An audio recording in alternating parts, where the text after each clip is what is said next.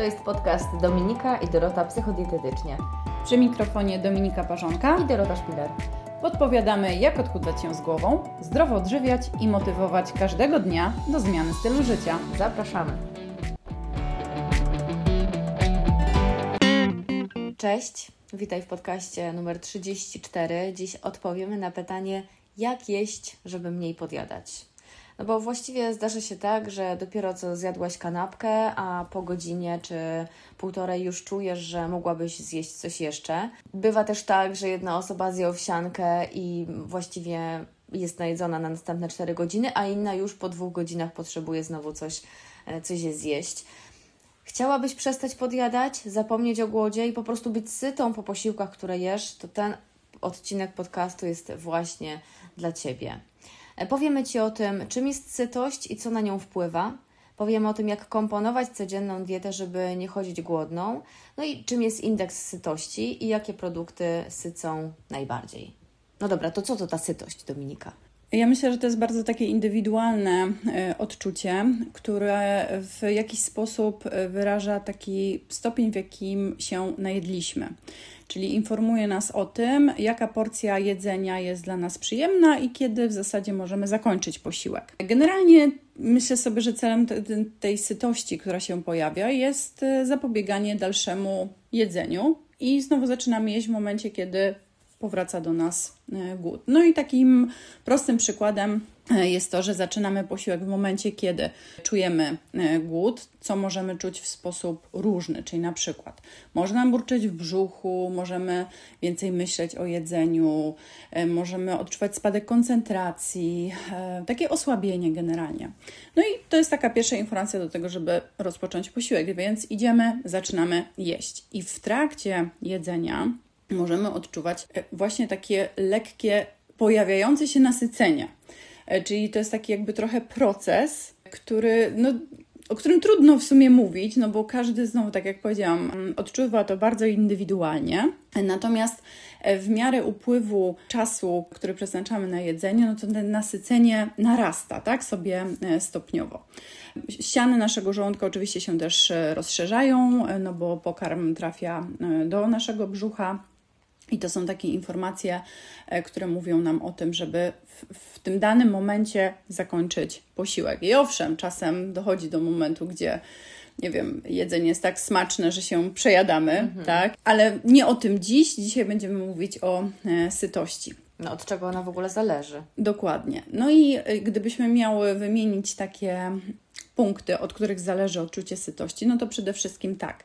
Z jednej strony od tego, co zjemy, czyli na przykład Zauważamy to często w gabinecie, że e, pacjentki mówią na przykład tak. Zjadłam dzisiaj e, owsiankę, ale po owsiance tak czuję, że ja już po dwóch godzinach mogłabym coś zjeść. A pani mówiła, że e, głód odczuwa się tam między 3-4 godziny, tak. godziny. No bo tak generalnie jest. I my mówiłyśmy też o głodzie. Mm, w jednym z naszych odcinków podcastów, więc możemy Cię do niego odesłać. Ja już nie pamiętam, który to ja był. Też nie, też ale jak przejrzysz sobie naszą listę, to jest podcast również o głodzie, więc zachęcamy Cię do e, jego odsłuchania.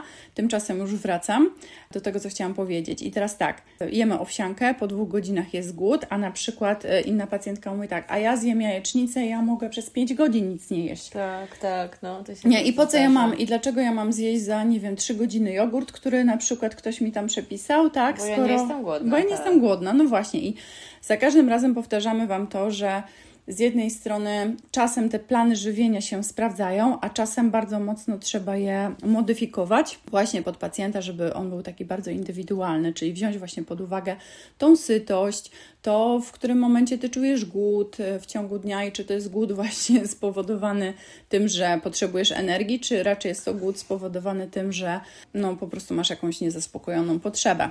Dlatego tak, to co zjemy i też w jaki sposób to jedzenie, i to, to się poniekąd łączy ze sobą. W jaki ten sposób jedzenie jest zbilansowane, czyli zobaczcie, e, przykład tej owsianki jajecznicy. Owsianka, e, jeśli wejdziemy głębiej w wartości odżywcze, ona ma więcej węglowodanów, może mieć e, mniej białka niż na przykład jajecznica, no i zdecydowanie ma mniej tłuszczu, tak? A w jajecznicy mamy z kolei więcej białek, więcej tłuszczy, a mniej na przykład węglowodanów. I to oczywiście wszystko zależy od tego, jak my ją podamy, ale tak generalnie, jak sobie wyobrazicie tu po prostu jajka bez żadnej kanapki, a tu owsiankę, no to tak to mniej więcej wygląda. Każdego właśnie sposób zbilansowania też będzie inaczej e, sycił. I to jest takie bardzo indywidualne, dlatego warto oceniać tą swoją skalę e, sytości w skali punktowej e, i to też właśnie, i na to zwrócić uwagę przy bilansowaniu jedzenia. E, ale zwróćcie też uwagę na to, że Dużo zależy od tego, w jakim my jemy tempie, bo czasem zdarza się, że już głód jest taki silny, że wpadacie do mm, domu, otwieracie lodówkę i po prostu wymiatacie po kolei wszystko, albo w trakcie przygotowania posiłku już tam sobie coś skubniecie, a to ugryzę sobie marchewkę, a to nie wiem, e, odgrzany Kabanosa, makaron, tak. nie, no cokolwiek, no, no nie? Zawsze coś. I czasem jest tak, że my jemy bardzo szybko, ta sytość występuje, tylko kwestia jest tego, że ona może być taka trochę zaburzona przez te tempo jedzenia, no nie? E, ale też dużo zależy od e, naszej po prostu naturalnej fizjologii, czyli od hormonów, które gdzieś się wydzielają przez nasz układ e, pokarmowy. Idźmy dalej, bo dzisiaj chce, chciałybyśmy powiedzieć Ci o tym, czym jest w ogóle indeks e, sytości i w jaki sposób e, i co my możemy w ogóle tak z niego sobie wyciągnąć dla siebie. Generalnie indeks sytości jest to pojęcie, które zostało stworzone przez australijską badaczkę dr Suzannę Holt z Uniwersytetu w Sydney. I chciałyśmy Wam o tym indeksie sytości powiedzieć w oparciu o badanie, i może Ty, Dominika, opowiesz coś okay, więcej. Coś więcej, dobra. No to generalnie badanie było przeprowadzone na pewnej grupie e, osób e, i uczestnicy tego badania mm, dostawali 38 takich bardzo popularnych produktów spożywczych do e, jedzenia, które zostały podzielone na 6 grup. I w tych grupach były tak, i owoce, i produkty piekarnicze, i były wzięte pod uwagę przekąski, produkty bogate w białko, jak na przykład jakieś ryby, produkty bogate w węglowodany, czyli na przykład owsianka. E, były też zwykłe po prostu musli z mm, mlekiem. I co jest ważne, że ilość e, tych produktów była w oparciu o około 240 kilokalorii, czyli e, każdy z tych produktów dostarczał 240 kilokalorii. I wiadomo teraz, że jakby różne były porcje, no bo inna będzie porcja pomarańczy, tak, która osiąga 240 kilokalorii, a inna będzie porcja na przykład owsianki. I co idzie dalej? Następnie w takich odstępach 15-minutowych e, mierzono właśnie indeks sytości za pomocą ankiety. Jako produkt taki referencyjny, czyli taki wzorzec, wykorzystano biały chleb, który przypisano wartość właśnie tego indeksu sytości na poziomie 100%.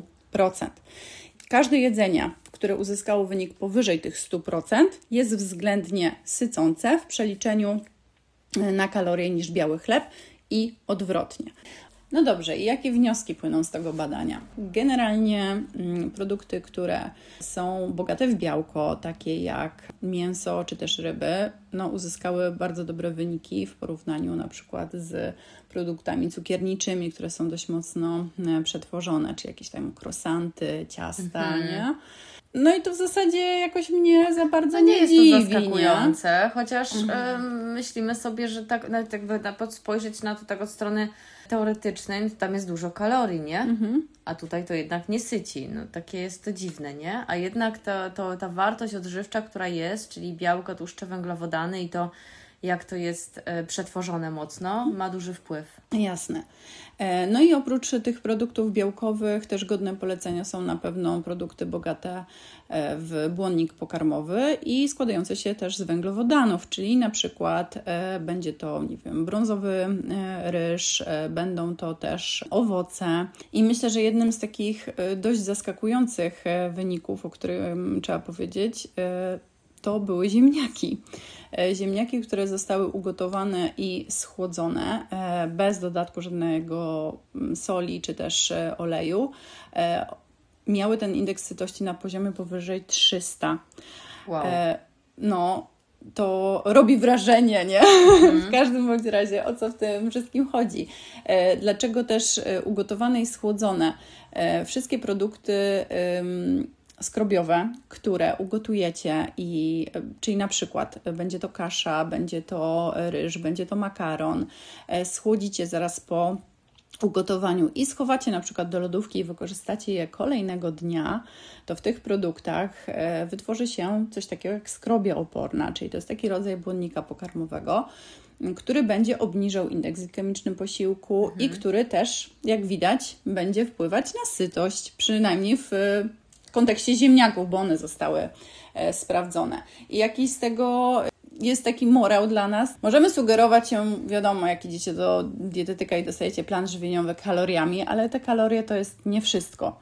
Trzeba zwrócić uwagę na takie indywidualne e, potrzeby związane właśnie z tym, że nie każdego owsianka nasyci w ten sam sposób. To samo dotyczy jajecznicy i innych produktów. No i ziemniaki z drugiego dnia wcale nie są złe. No, do, dokładnie. nie wrzucamy ich. E, dokładnie. E, natomiast minusem tego badania, tak sobie myślę, że przede wszystkim jest zbyt mała liczba produktów, bo tam było tylko 38. Natomiast jakby wnioski generalnie e, no, nas jako e, dietetyczki nie, nie zdziwiły, mhm. no nie, e, są, są do przyjęcia i jakby my też w oparciu o mm, te produkty na pewno je uwzględniam w jadłospisach, bo są uwzględniane owoce, e, a nie na przykład właśnie produkty cukiernicze, no bo w owocach, słuchajcie, macie witaminy, macie składniki mineralne, jest tam ten cukier i owszem, ale to jest naturalny cukier, który też jest nam potrzebny, e, a w produktach tych cukierniczych raz, że sytość macie dużo niższą, to jeszcze no, są to produkty przetworzone, no wiadomo,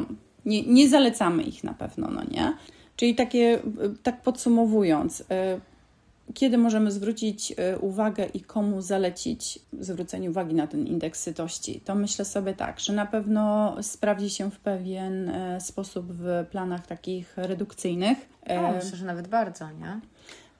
Tak, no ale to tak jak już e, wspominałam, no, my raczej opieramy się też nie o świeże, świeże produkty, dajemy też produkty bogate w błonnik pokarmowy, czyli zalecamy kaszę, proponujemy pacjentom nie ryż brązowy zamiast białego, e, zwracamy Wam też uwagę właśnie na tą skrobię oporną. Przepraszam, no. czyli w sumie no właśnie, jak ktoś przychodzi i mówi, że on nie lubi brązowego ryżu i w ogóle ciemnego makaronu, bo to jest bardzo częste, mm.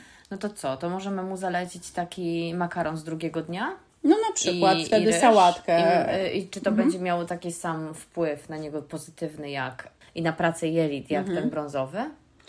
E, no w pewnym stopniu na pewno e, tak. To w jakiś sposób też e, będzie to przyjęte przez drugą osobę, no bo to no, musimy to też odnieść do smakowitości w, w pewnym stopniu, no nie? Bo to, że mamy indeks sytości i wiemy, że jedne produkty sycą nas bardziej, a drugie mniej, Ale ktoś to jeszcze, nie lubi, a ktoś właśnie. To nie ma to znaczenia. Dokładnie, więc e, pamiętajcie o tym, że jedzenie to nie tylko e, paliwo, ale też pewnego rodzaju przyjemność, więc e, nie trzeba bardzo mocno jakby się trzymać stricte i znowu iść tak, że albo tu produkty bogate w sytość, albo w ogóle żadne, nie? Tylko mhm. raczej podejść do tego bardzo, bym powiedziała, tak otwarcie, zwracać na to uwagę, na te nasze indywidualne potrzeby i to, w jaki sposób mm, jedzenie na nas oddziałuje, ale też nie do przesady, prawda? Tym bardziej, że produkty, które były wzięte pod uwagę, no to zaliczają się do piramidy zdrowego żywienia tak, nie? No. Bo tam była i soczewica, były produkty i zbożowe, i, i owoce. Nie były brane pod uwagę warzywa, ale to z racji tego, że one po prostu e, bardzo są niskoenergetyczne, zawierają błonnik pokarmowy i no... No ciężko oczekiwać od nich sytuacji na dwie godziny, nie? Dokładnie. No, no, dobra, czyli indeks sytości może przydać się jeszcze tym wszystkim, którzy mają problemy z gospodarką węglowodanową, mhm. czyli insulinoopornym, czyli osobom z cukrzycą typu drugiego, mhm. No, no, więc białko będzie na pewno obniżać indeks, ładunek glikemiczny. E, białko po prostu zapewnia nam na dłużej e, sytość, e, spowoduje, że dłużej wytrzymacie do kolejnego posiłku i takim, nie wiem, przykładem na sam koniec to na przykład może być to, żebyście spróbowali sobie na przykład do owsianki, którą robicie sobie na wodzie, Mm. Na przykład spróbować dodać trochę jogurtu naturalnego. Skyru. Tak? Skyru, który ma białka dużo. Dokładnie. Może jakiegoś orzecha albo siemię lniane, nie? Żeby Owoce. więcej energii. Tak. A odnośnie jajecznicy, bo dałyśmy przykład owsianki, to może do jajecznicy na przykład można mhm. dodać e, produkty zbożowe, pełnoziernisty chleb, tak? E, I do tego na przykład jakiś plasterek szynki albo plasterek żółtego sera i już ta sytość znowu będzie dużo e, wyższa. Mhm. Okej, okay, no to tyle od nas na dzisiaj. To Przed był, zakończeniem y, jeszcze proponujemy, e, w zasadzie nie proponujemy, tylko prosimy o, Tak, e, prosimy o udostępnienie naszego podcastu, o kliknięcie dzwoneczek, jeśli e, treści Wam się podobają, zostańcie z nami na dłużej. No i co? Edukujmy się wspólnie. Dzisiaj y, krótko, ale treściwie. Mamy nadzieję, że to daje Ci konkretną informację odnośnie tego, jak bilansować swoje posiłki. No, To- zapraszamy na kolejny podcast. Dziękujemy i do usłyszenia. Pa, Do usłyszenia.